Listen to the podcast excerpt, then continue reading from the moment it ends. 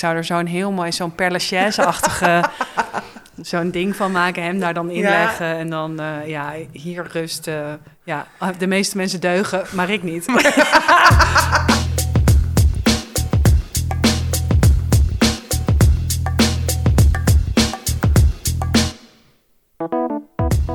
Dag mensen en welkom bij de podcast Tussen 30 en Doodgaan.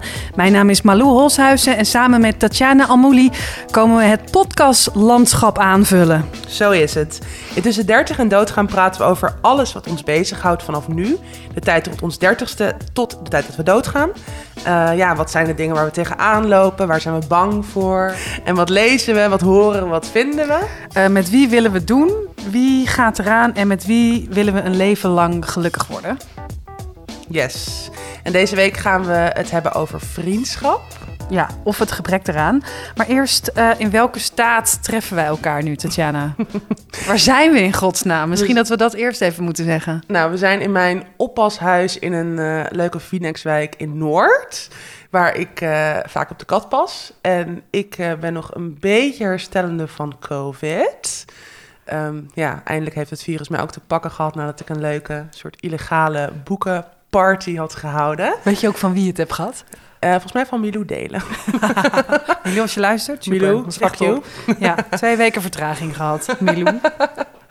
nee, het was, uh, mijn boek was verschenen en het was nog zo net toen eigenlijk alle maatregelen golden. En mijn uitgeverij durfde dus niet aan om een boekpresentatie te houden.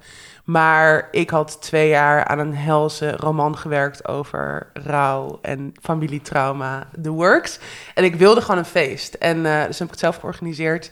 En het was heel leuk. Er was muziek, we hebben gedanst en mensen hebben kook gesnoven op de wc.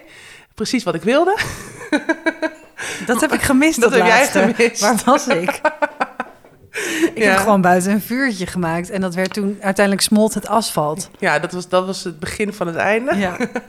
maar toen was het nog vrij kumbaya en heel erg rustig. En daarna ging, liep het een beetje uit de hand. Maar het was heel fijn. Maar er waren mensen met COVID, dus de helft was daarna besmet, waaronder ik. Um, maar goed, ik ben inmiddels weer beter. Nog een klein hoesje die we vast zullen horen dit uur. En um, nou ja, verder gaat het wel oké. maar ik, ik, dit herken je waarschijnlijk wel. Ik hang nu een beetje in die limbo nadat je boek is verschenen. Dus een paar weken was het gewoon heel hectisch en interviews en dingen. En nu krijg ik hele mooie reacties, wat heel fijn is. Maar het is ook een beetje ja, stil en rustig. En ik moet nu gewoon weer nieuwe dingen gaan oppakken qua werk. En dat is heel leuk, maar ook altijd weer even zoeken. En ook gewoon soms onzeker en moeilijk. Dus dat is uh, mijn staat. En toen je boek uitkwam, toen uh, wij werken ook samen op kantoor. Um, toen er was een hele grote angst. Ja. Hoe is die angst nu ingelost? nou, ja, ik vind, het, ik vind het nog steeds, maar dit herken je denk ik ook wel. Het blijft gewoon een beetje overal tussendoor zweven. Dus ik was heel bang van tevoren dat er gewoon niet genoeg aandacht zou zijn. Maar dan is ook de vraag, ja, wat is genoeg aandacht? En um, ik had ook hier een post over geschreven op Instagram... dat ik gewoon nog steeds best wel me gespannen voelde en onzeker was. Terwijl ik, weet je wel, best wel wat persaandacht had. Een mooie recensie in het Parool. En toen schreef, toen schreef Marjolein Heemstra, ook onder andere schrijver, mm zij ook. Zij schreef van ja, als je zo nauw aan zo'n groot project... en zo'n persoonlijk project ook als dit boek hebt gewerkt... is het waarschijnlijk nooit genoeg. Dan, weet je wel zou je het eigenlijk uit jezelf moeten halen. Uh, maar toch ben je altijd alsnog bezig met de reacties van anderen. Maar waarschijnlijk zal geen één reactie of geen één recensie um, ja, je echt verzadigd doen voelen. En dat vond ik wel een hele goede opmerking. En eigenlijk sinds nou, dus die opmerking van haar en ook wel een beetje soortgelijke reacties van andere makers, heeft dat me wel wat rustiger gemaakt. Dat ik dacht, ja, inderdaad Um, ik kan gaan zitten wachten op, weet je wel, de meest fantastische recensie of de meest fantastische reactie van een lezer of whatever. Ja, wachten tot het stopt. Ja, dat ook. Weet je, dat ook ja. van, oh ja, nu stopt het, zie je wel, het is niet goed genoeg. Want dat, daar was ik inderdaad ook heel erg bang voor. Mhm. Maar ja, uiteindelijk moet je toch maar weer een manier vinden om gewoon verder te gaan. Um, ja, nou ja, dus zo. Maar herken jij dat een beetje van toen jouw boek verscheen? Ja, heel erg. Um, nou, ik was voor, voornamelijk heel erg bang, uh, omdat ik een heel persoonlijk interview in de Volkskrant had, wat ook weer heel dubbel is. Want Dat is waanzinnig Ja, dat je dat krijgt. En dat er dan zoveel aandacht wordt besteed aan je boek, maar ook aan ehm, je, ehm, ja, je verhaal. ja, En dat is natuurlijk tegelijkertijd ook doodeng. precies. Want het gaat gewoon ook over jou. Ja, precies. En ehm, toen Zacht op Lachen, dat is nu bijna een jaar geleden, eh, uitkwam. Het is ook zo snel gegaan dat ik had helemaal niet verwacht. Ik had ook helemaal niet verwacht dat zoveel mensen het zouden lezen. Hmm. Ik dacht altijd, nou, dat, dat, dat komt wel. En dan opeens zo. Ja. Ik was ook nog helemaal niet gewend aan dat mensen je zouden gaan aanspreken op Instagram. Ja, Weet je, daarvoor mijn boek was mijn. Instagram gewoon iets voor ja, een beetje oud-klasgenoten van vroeger en vrienden uit Amsterdam. En, eh, en dat was het wel. En vrienden van werk, van de radio. Ja, En dan een beetje die radiorukkers die dan zo, hey meisje, weet je wel, dat. Maar niet mensen die, die jou echt kennen omdat ze jouw verhaal kennen. Dat en is ook wel, om jou als schrijver. ja, Dat is natuurlijk ook weer een hele nieuwe rol die je dan opeens ja, aanneemt. ja, precies. En dat, ik merk wel ook dat ik ben nu bezig met mijn tweede boek, dat Mhm. dat heel anders voelt. Ja, Dus dat dat heel... eh, omdat het minder persoonlijk is ook. In Ja, het is, het, is, het is een ander verhaal. Dus je hebt meer vrijheid eh, in de, de fictie. Mhm. Maar het is ook een soort. Ik, ik zit nu heel erg met de druk van. Oh ja, je, je kan wel iets hebben meegemaakt en dat een beetje leuk hebt kunnen opschrijven, maar dat maakt je nog geen schrijver. Ja. En dus da- daar zit ik nu mee van oké, en dan moet ik nu laten zien dat ik ook gewoon een hele go- goede roman uit mijn duim kan zuigen. Ja. Of, eh, ja, dat is gewoon weer iets heel nieuws. ja, ehm, en nou, ik merk dat, het, dat dat dus met vlagen... Bij mij komt altijd alles met vlagen, dus dan gaat het met vlagen heel goed.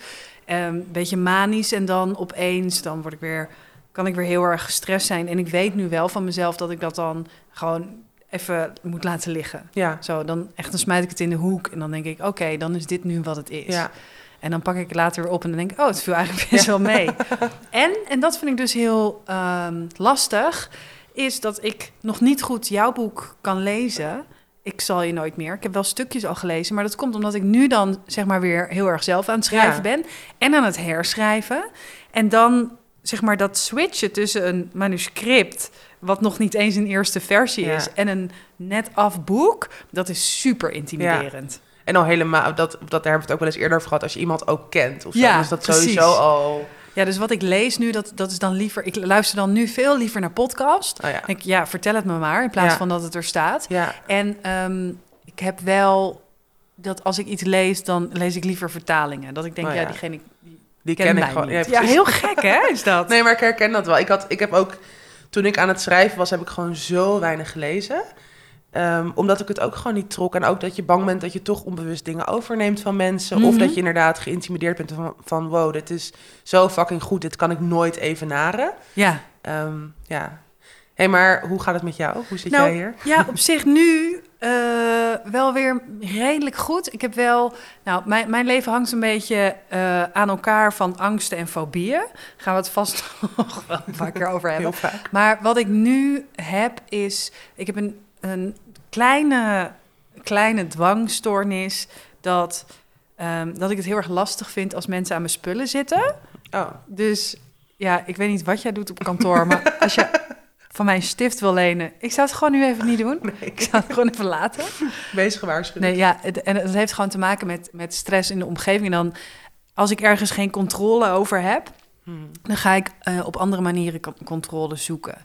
Dus dat, dat doe ik met, eh, nou, met dit soort dingen. Dus nu vind ik het heel lastig als voornamelijk dingen in mijn eigen huis worden aangeraakt door andere mensen.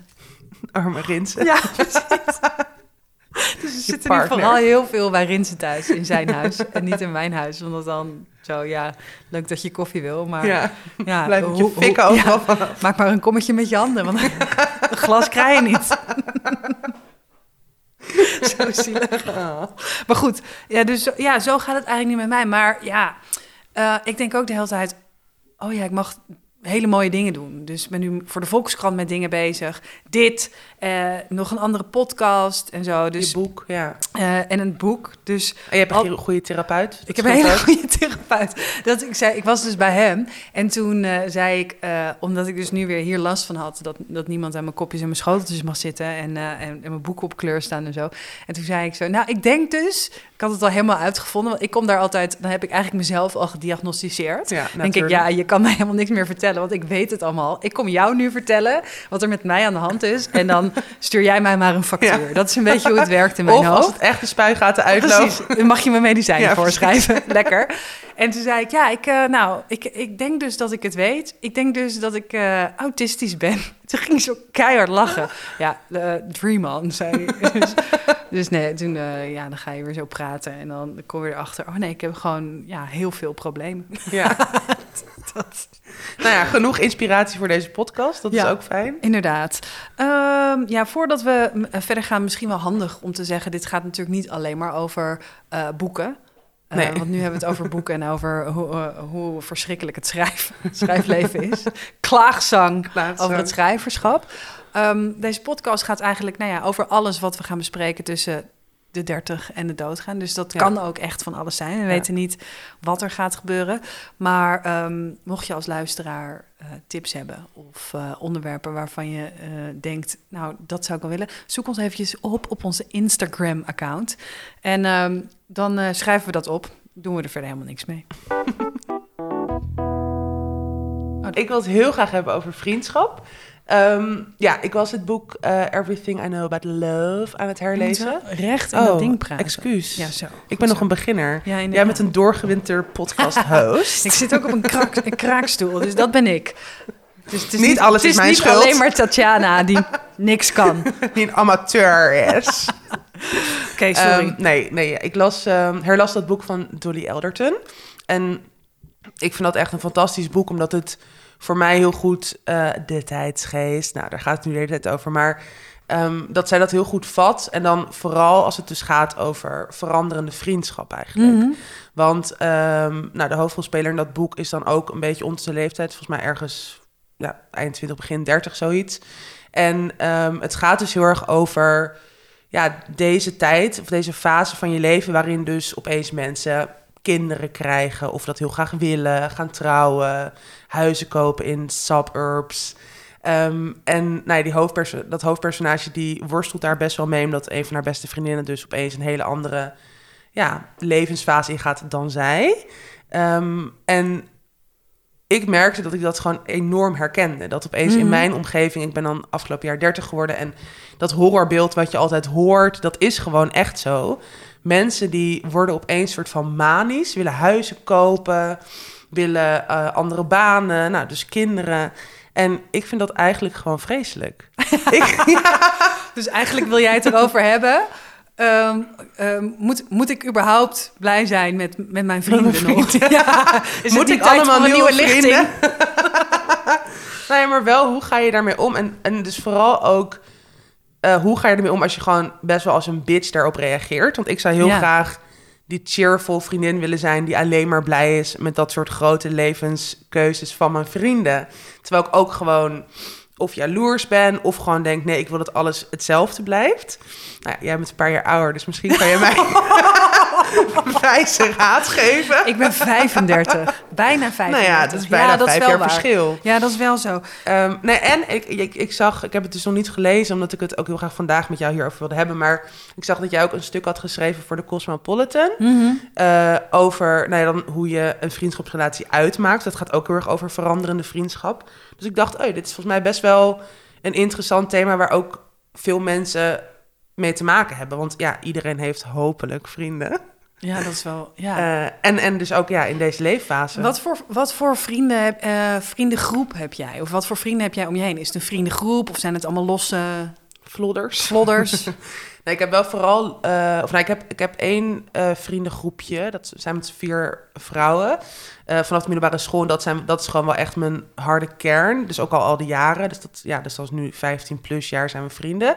Ehm, en dan daaromheen heb ik gewoon heel veel verschillende vrienden. En ik heb van Tobias, mijn vriend, dat is echt, zij hebben echt een vriendengroep. En Mhm. nou ja, wij zijn nu acht jaar samen, dus dat is ook echt wel mijn vriendengroep geworden.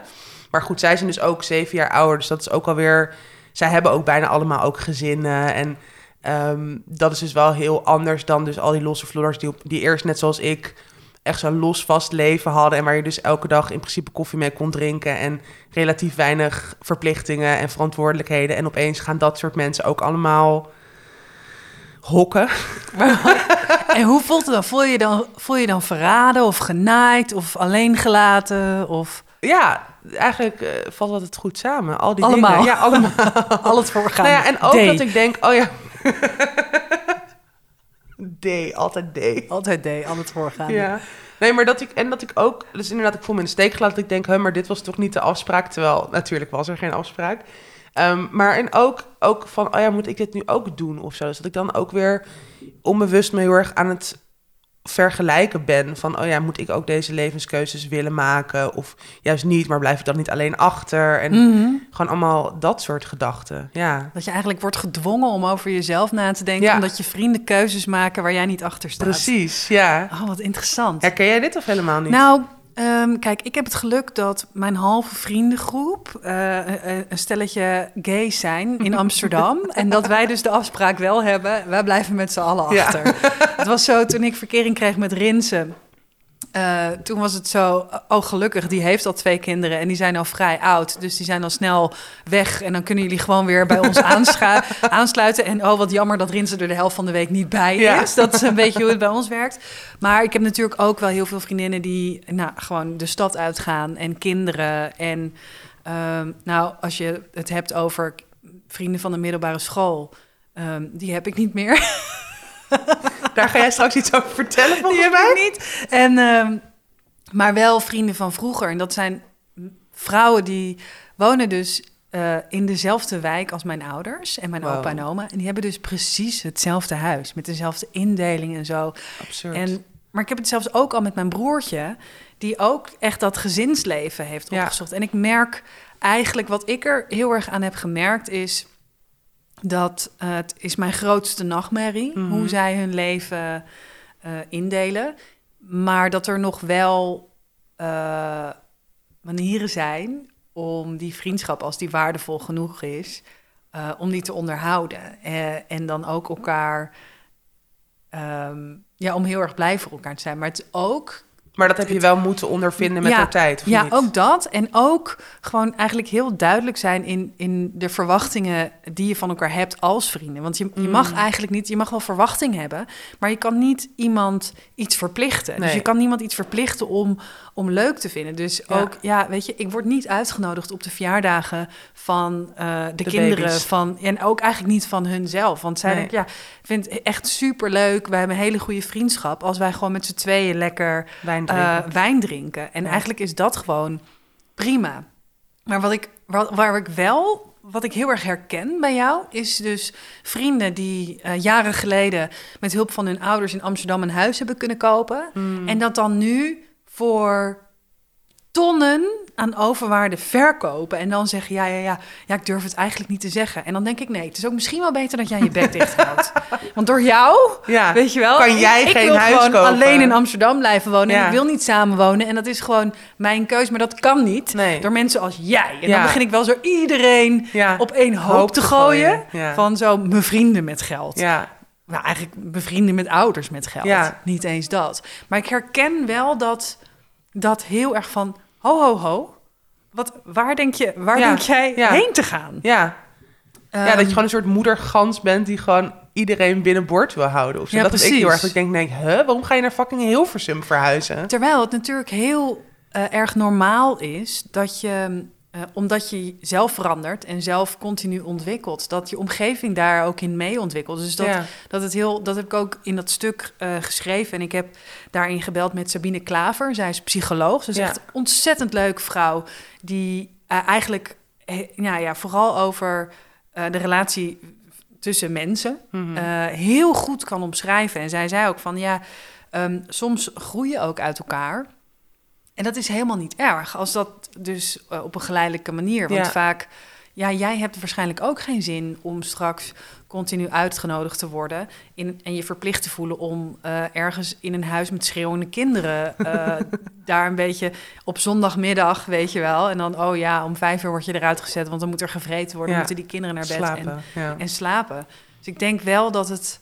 Ik denk dat, dat het nu een beetje een fase is, omdat het lijkt alsof het allemaal tegelijk Mhm. komt. Ja, en dus dat je ook een beetje... En dat gaat dan natuurlijk weer over zo'n soort van... Misschien ook wel een diepe angst. Van dat je dus alleen achterblijft. Dat je de enige bent die andere keuzes maakt. Terwijl dat natuurlijk Ja. ook gewoon niet per se zo is. Of misschien wel. En dan komt het ook waarschijnlijk wel weer goed. Maar dat is gewoon opeens ja, toch wel weer fucking confronterend. Ja, dat is de angst inderdaad. De angst om de verkeerde keuze te maken. Mhm. Ja. Ja, ja. En heb je, ben jij wel eens vriendschappen verloren? Eh, ja. En hier is ze. Onze nieuwe co-host. Ehm, nee, nou, ik, ik wil daar dus ook bij jou meer over weten. Over dat. eh, want jouw stuk ging heel erg over het uitmaken van vriendschap, toch? Of Mhm. vriendschap die echt verbroken wordt. Ja. En volgens mij, bij jou heeft dus iemand dat gedaan. Ja. En ik ben in twee situaties degene geweest die dat heeft gedaan. Oh. Ja. Hoe heb je dat gedaan? Nou, niet op de goede manier. Of nou ja, wat is de goede manier? Maar niet, ik ben er nu niet blij mee meer. Mhm. Omdat ik heb. Ik, ik kan gewoon niet heel goed tegen dat soort confrontaties. En Mhm.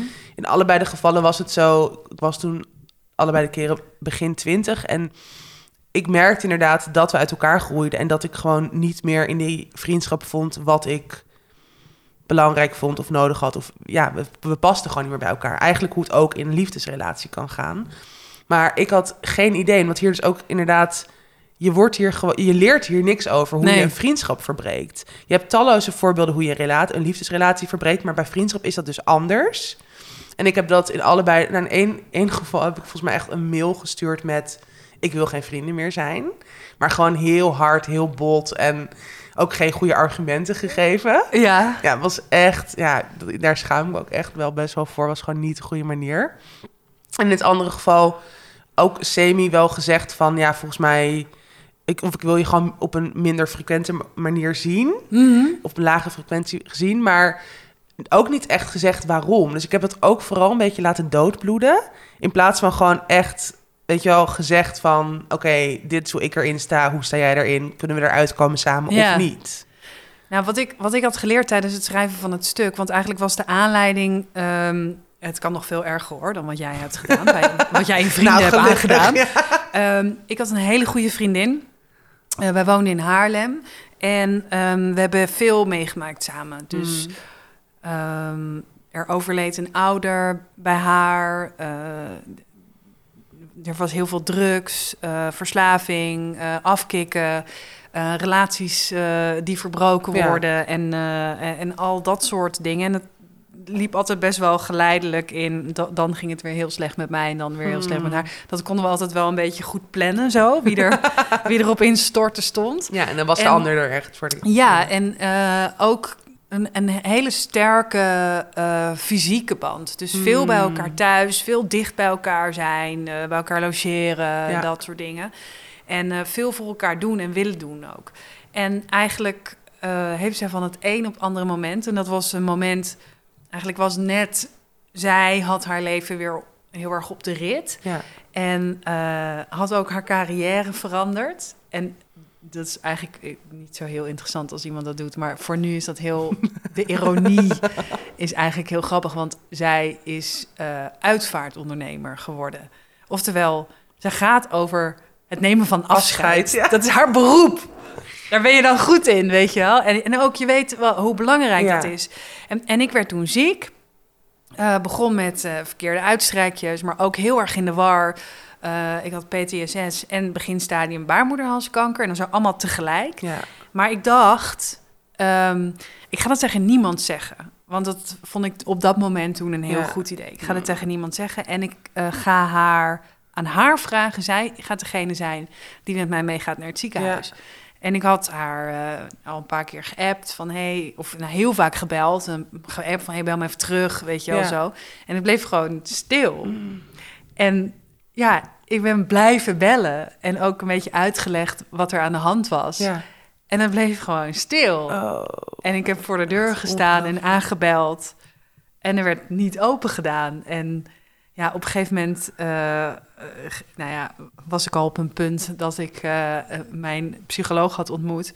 En die zei, ja, zij gaat echt nooit meer reageren. En als ze reageert, wat dan? Ja. Maar ja, je moet het wel gaan afsluiten. En eh, toen, heb ik een, eh, toen moest ik een afscheidsbrief Mm. moest ik schrijven. Maar ik was echt heel erg, best wel ver Ja. naar de kloten Ja. gewoon. Maar was je niet heel boos ook? Ja, ik was heel boos. Echt rancune. Ja, natuurlijk. Echt, ik, heb, ik heb door Haarlem ook gewoon af. Ik weet waar ze woont natuurlijk, Ja. weet je. En ik, ik weet ook waar haar moeder woont. En ik heb af en toe gewoon een beetje rondjes om het huis zitten lopen als een of andere engbek. Ja. En ik eh, kreeg toen ook best wel veel medicijnen. dus ik dacht ook, ja, ehm, heftig. Ja. En eh, toen had ik een brief geschreven.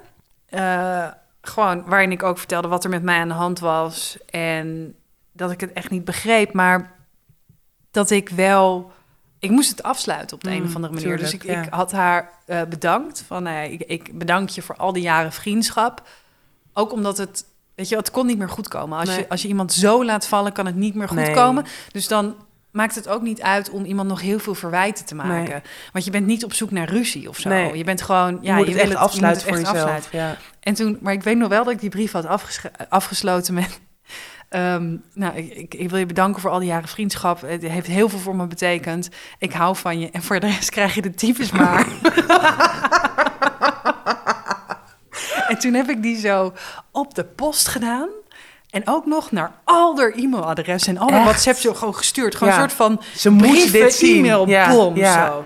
Ja, en toen eigenlijk merkte ik dat ik hoopte dat ze nog zou reageren. Ja. Dat heeft ze nooit gedaan. Absurd. Ja, het is echt absurd. Ook maar omdat- wat is er met haar gebeurd? Het is toch gewoon een soort van... Ja, ik denk dat ik gewoon niet meer in haar leven pas. Ook omdat, nou ja, wat ik zei, het ging ook over drugs en het ging over... ja, ze eh, misschien gewoon helemaal... ja, dat, dat ik maken. ook nog wel een, een link was naar dat oude leven. En dat Mm. snap ik. Maar ik vind ook dat ik recht heb om dat te weten. Ja, En dat, ehm, om even terug te komen op jouw eh, dingen, dat heb je, jij hebt in ieder geval wel aan je vrienden laten weten. En dat je zei van, ja, eh, eh, dat het niet meer voor jou werkt, is eigenlijk al genoeg. Want Ja. het heeft vaak ook niet eens heel erg met iemand anders te maken. Nee. Dus op zich hoef je ook helemaal niet met iemand nog te praten over waarom niet, Nee. als de uitslag is dat je toch geen vrienden meer wil zijn. Ja. Ja, maar het is wel... Ik, ik, blijf het dus, ik blijf het ook heel erg interessant vinden... hoe anders dan toch ook vriendschap is... dan een liefdesrelatie of zo. Oh ja, ja. Toch? Want ik bedoel, als je heel lang... Want vaak duren vriendschappen best wel lang. Mhm. En als je een liefdesrelatie hebt een paar jaar... dan kom je eigenlijk er niet mee weg om te zeggen... het werkt niet voor mij, punt. Ja, precies. Toch? Ja, dat, Dat, zou waar. toch heel raar zijn? Stel, Ja. jij zou nu, of vriend zou nu tegen jou zeggen... ja, het werkt niet meer voor mij, ik ben weg. Dat zou jij niet pikken. Nee. Terwijl dus in vriendschappen is dat ik zou dus een brief schrijven en zeg je, voor de rest krijg je de tyfus maar. jouw go-to Ja, vanaf inderdaad, altijd. Ik hou van je, voor de rest krijg je de tyfus maar. Nou ja, goede tagline. Ehm, nee, maar dat is, ik vind dat wel interessant, want als ik dus ook terugkijk... wat ik dus nu ook heel vaak mis eigenlijk in mijn leven... is dus, nou, wat jij vertelde over jouw vriendin... heb ik ook met best wel veel vriendinnen gewoon heel erg... In, in begin twintig jaren gehad, dat je gewoon elke dag samen bent. Dat je gewoon alles samen doet, behalve Ja. dan seks hebben. Dus in heel veel opzichten lijkt het eigenlijk wel gewoon op een liefdesrelatie. Hoe je met elkaar omgaat. Maar toch zit er dus verschil in of zo. Ja. En ik denk dus ook in de manier wat je elkaar dus... want dat merk ik dus nu ook met, met die veranderende vriendschappen. Van, oh ja, je kan elkaar eigenlijk daar ook niet echt op... Nee, je kan elkaar, elkaar, daar gewoon niet op aanspreken. Je kan niet tegen iemand eigenlijk echt zeggen van... Nee, het is een beetje alsof je iemand aanspreekt op de kleur van iemands haar. Je kan er echt niks aan doen. Nee, je moet het maar gewoon gedogen en er Ja. gewoon maar in meegaan van... oh ja, dit is blijkbaar hoe het gaat of zo. Dat vind ik gewoon toch heel, ja, als control freak. Ik ben een mega control freak. Jij volgens mij ook best. Nee, hoezo? Is dat toch heel moeilijk dat je dat gewoon weer zo'n... Ja, en je soort wil van- eigenlijk alles oplossen.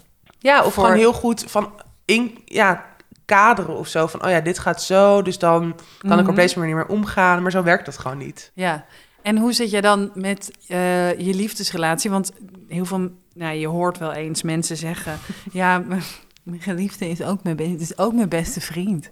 Ik doe nu een Ja. beetje al, ik probeer, ik ben nu een beetje aan het beïnvloeden door te zeggen: Oh wee, als jij dat ook zegt. Maar misschien heb jij niet. dat wel. Nee, nee, nee, nee. Nee, nee ik, kijk, ik denk wel dat eh, heel veel waarden die natuurlijk in vriendschap zitten, bijvoorbeeld dat je elkaar gewoon hopelijk echt vertrouwt, dat je je veilig bij iemand voelt, eh, nou ja, een bepaald aspect van gelijkwaardigheid. Dat komt natuurlijk wel heel erg overeen in je liefdesrelatie, hopelijk. Tenminste, Mhm. dat vind ik heel erg belangrijk. En dat is bij mij ook het geval. Dus in die zin, tuurlijk is dat voor een deel ook vriendschappelijk of zo.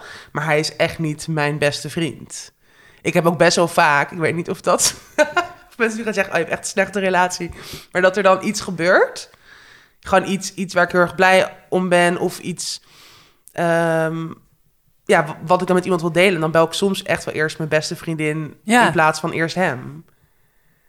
Dus dat, ja, dat laat ook al zien dat je gewoon niet alles bij een Ja, maar dat is natuurlijk ook iets heel erg delen. ouderwets, inderdaad. Ja. Dat je één partner hebt waar je de rest van je leven alles mee Ja. deelt en doet en zo. Maar dat heeft natuurlijk ook heel erg te maken met dat dat vroeger helemaal niet zo Nee. gelijkwaardig was. Dat je als vrouw veel eh, afhankelijker was. Nou ja, eigenlijk was je als vrouw 100% afhankelijk, van, je man. Ja, precies. Ik bedoel, toen mijn oma ging trouwen, moest ze stoppen met werken. En baren. Ja.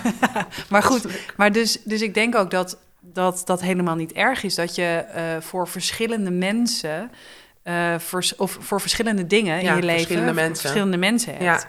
En dat je gewoon een, een liefdesrelatie... een hele goede basis is van je geluk. Precies. Van je, van je, ja, weet je. En dat heeft natuurlijk ook weer te maken met, met ga je samenwonen, ja of nee? Of eh, hoe, hoe ziet jouw gezinssituatie eruit, kinderen of niet? Ja, het boeien, boeien Ja, dat. Ja, en ik had, ik had eerst een vriendschapsrelatie met eh, mijn vriend. En toen werden we opeens Oh, ja. verliefd. Eh nee, we werden eigenlijk gewoon heel dronken. en toen gingen jullie seksen en toen opeens was er liefde. Zo kan het gaan, het kan verkeren. kan je gewoon maken. Ehm, en, eh, maar die relatie is wel echt natuurlijk heel anders. Dus Ja. ik weet ook hoe het is om zijn, zijn gewoon vriend, zijn mattie of zo te Koop zijn. Het is nu echt wel, echt wel heel Anders. anders dan Ja. dat. Dus ik denk dat de conclusie eigenlijk is van de vraag... Moet je, ben je verplicht? Ben je heel erg verplicht om, om heel erg blij te zijn voor al je vrienden? Ik denk het niet. Nee, ik denk het ook niet. En ik denk ook dat dit is gewoon weer zoiets. Volgens mij herkent iedereen het dat je dus soms fucking jaloers kan zijn op je vrienden. Of dat je iemand ook best wel iets kan misgunnen. Of dat er irritatie zit. Mhm. Maar weer zoiets waar heel weinig mensen over praten. En wat we dus gewoon wel bespreekbaarder moeten maken. Ja, dat denk ik ook. Zeker. En ik denk dat het belangrijker is dat je eerlijk bent tegen je vrienden dan dat je er blij voor bent. Toch? Yes!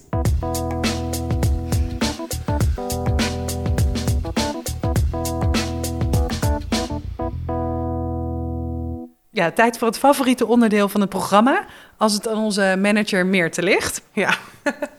Ehm, omdat het de eerste keer is, leggen we het even een keer uit. Onze manager Meerte die geeft drie namen door. Ja, en aan ons de schone taak om iemand te kiezen om mee naar bed te gaan. En te vermoorden. En eh, we houden het natuurlijk netjes. We gaan niet vertellen hoe we dat zouden doen. Ja, en met wie we dan zouden willen trouwen. Dus het is fuck, Mary kill. Het is En- eigenlijk heel simpel. Heel simpel. En wat zijn de eerste drie namen? Oké dames, let op. De Fuck, Mary Kill zijn Joris Luijendijk, Rutger Bregman en Sander Schimmelpenning. Manager Meerte haat ons echt. Ja, manager meer daar haat ons. Dit rijtje is niet te doen. Wil jij eerst? Ehm, oh, oké. Wat was het? Joris Luijendijk, Rutger Bregman en Sander Schimmelpenning? Ja. Oké, ehm, ik zou denk ik eh, fuck met Sander Schimmelpenning. Gewoon, ja, weet ik niet.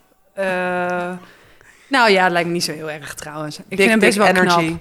Ja, en, en ik denk ook niet dat, dat, dat we dan daarna nog heel lang met elkaar hoeven praten of zo. Ik denk niet echt dat hij is van de Pillow Talk. Ik zou Mary dan met Joris Luindijk, die zich zo bewust van zijn vinkjes. Dus die, die, die zal dan toch wel wat onderdaniger doen in huis en zo. En dan zo, ja, toch wel heel veel mij heel veel kansen geven. Want zo is Joris Natuurlijk, Luijendijk. Die gaat mij heel veel kansen geven in het leven. Ja, precies dat. Zetten. Ja, en ik zou eh, die Rutger Bregman echt begraven onder zijn boeken. Ik zou er zo'n heel mooi, zo'n Père Lachaise-achtige... zo'n ding van maken, hem daar dan inleggen. En dan, eh, ja, hier rust. eh, ja, de meeste mensen deugen, maar ik niet. ik denk dat dat hem Bedoemts. wordt, ja. Nou, dit is heel saai, want ik heb precies hetzelfde. Echt? Ja, maar voor mij was het heel duidelijk. Vond je, Waarom? Ja, nou, omdat... eh, kijk, Rutger Bregman, ik trek hem echt niet. Ik weet niet wat het met hem is, maar... Ja, hij vindt zichzelf zo fantastisch. Ik kan er gewoon niks mee. En zijn boek lijkt me ook vreselijk. ook gewoon niet gelezen, maar het heel kut vinden. Net zo, verzet me er ik gewoon zo- tegen. Zo, onzeker wat in mijn boek schrijven. Ja. Als mensen dat over mijn boek zouden zeggen, zou ik vrezen. Maar ik, ik eh, ben het wel met je Sorry, eens. eh, Ja. Rutger. Ehm, ja, Joris Luijendijk lijkt me prima. En ik vind ook, ja, die zeven vinkjes, dat is natuurlijk gewoon heel Gejat. gejat, achterhaald. Dus in die zin inderdaad, ik zou hem ook nog wel een lesje willen geven in, eh, in de mensen die wel meer ruimte zouden mogen krijgen, omdat zij veel sneller of veel eerder al intersectionaliteit op de agenda hebben gezet. Maar verder lijkt hij mij gewoon prima en schrijft hij wel andere goede boeken en Ja. kan je volgens mij ook best met hem lachen. En Sander, ja, gewoon voor een keer seks ook prima. En dan wel gewoon eerst gewoon een verhitte, dronken discussie voeren. En dan Ja, gewoon je moet hem wel oppikken in de kroeg. Precies. Je moet niet overdag met hem naar bed, denk Nee. ik. Dat lijkt me niet leuk. Gewoon eerst dronken, dan seks, dan klaar. Het is ook met Joris Luijendijk, zeg maar, die, die kan je dan af en toe gewoon, als je hem zat bent, ook vragen... Sorry, zou je willen omdraaien? Ja. Zou je willen omdraaien? Ik, ik kijk liever naar je rug gewoon een hele dag. Ja, lukte bij de Volkskrant ook, lukt thuis ook, vriend. Toch? Jezus. Ja, Ja. nee, ja, nee, duidelijk. Oké, nou, Meerte, dankjewel.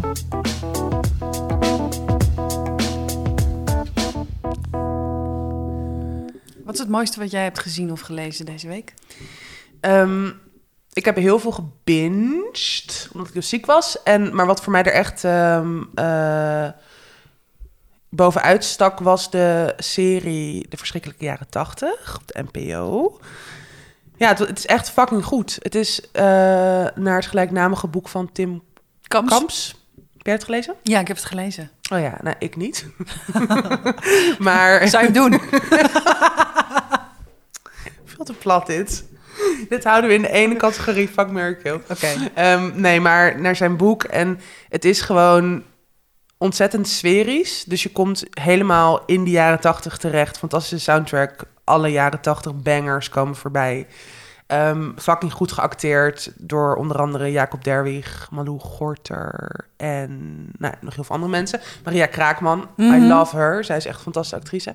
En het gaat dus over een ehm, ja, soort samengesteld gezin. Ze leven samen in, in een woongroep. En het wordt verteld vanuit eh, Piet. En zij is volgens mij een negenjarig of tienjarig meisje. En het gaat gewoon ontzettend onder je huid zitten. En het is ook heel komisch. Dus er zit heel veel humor in. Dus je bent ook aan het lachen. Maar ik moest het ook wel na vier afleveringen even uitzetten. Omdat ik er ook gewoon heel naar van werd. Want het gaat heel erg over...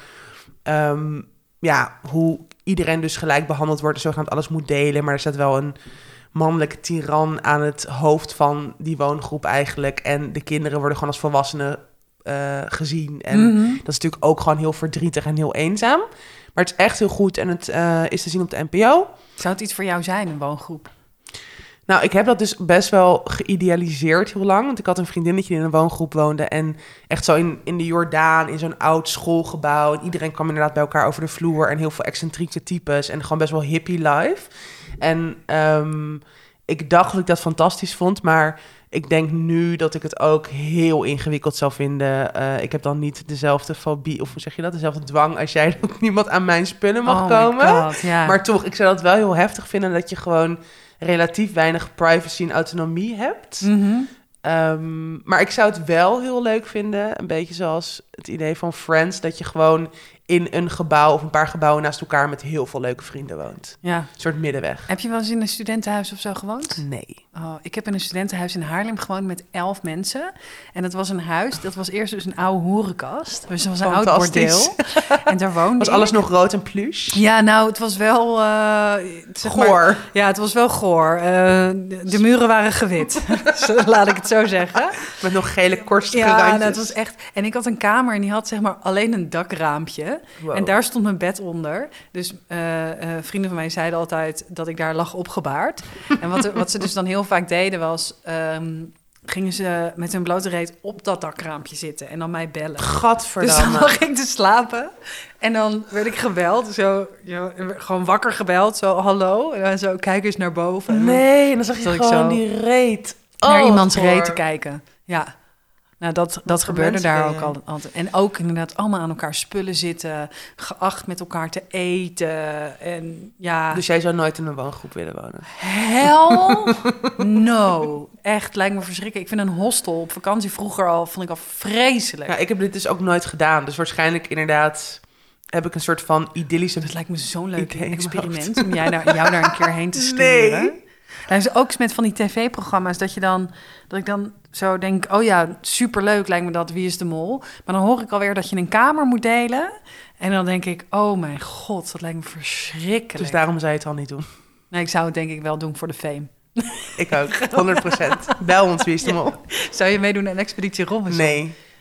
Dat lijkt me verschrikkelijk. Dat lijkt me zo verschrikkelijk. Ik denk dat ik, als ik eruit kom, dat, dat iedereen me heeft ontvolgd. En dat ik gecanceld ben voor mijn leven. En ook mijn volgende leven. Dat Om wat ik je echt- allemaal hebt gezegd Ja, en gedaan. inderdaad. Ja, alleen maar schelden met ziektes en Oh. gewoon jatten van mensen, schijnheilig doen. Ja, dat, dat, en, Oh, dat lijkt me wel heel erg leuk, jij een Expeditie Robinson. ja, maar ik eet mensen op. Ja, nou, dat is toch goede Ik tv? en honger.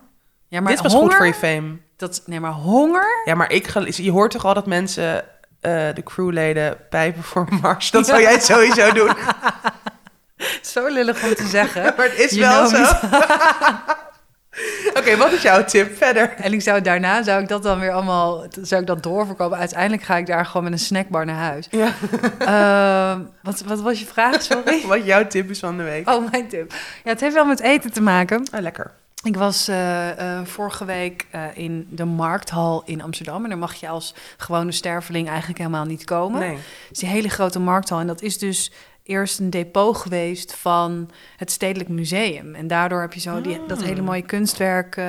waarvan ik dat eventjes ben vergeten van wie dat ook Maar het was heel mooi. Het is volgens mij uit 89, dat weet ik dan weer wel. Cijfertjes kan ik heel erg goed onthouden. Maar goed, mijn psychiater zegt dat ik geen autist ben. Dus prima. Ik weet niet meer hoe die gast heet. Maar dat is echt een van de best bewaarde en grootste Geheimen. schilderijen van die gast. Zoek Oké, zelf maar oh, op wie die gast was. Maar daar Goed had ik dus een diner. En dat werd ge- eh, gemaakt door Vanja van der Leden. Ja, Het love was van ja. tegelijkertijd ook haar boekpresentatie. En het boek heet Insane. En, Het ligt eh, daar. Ja. Oh, Oh, nou, dat kunnen mensen niet zien. Helaas. gaat ze dit zeggen? Het ligt daar. Nou, het ligt dus hier. Eh, SMS boek aan naar 112 en Tatjana komt het brengen.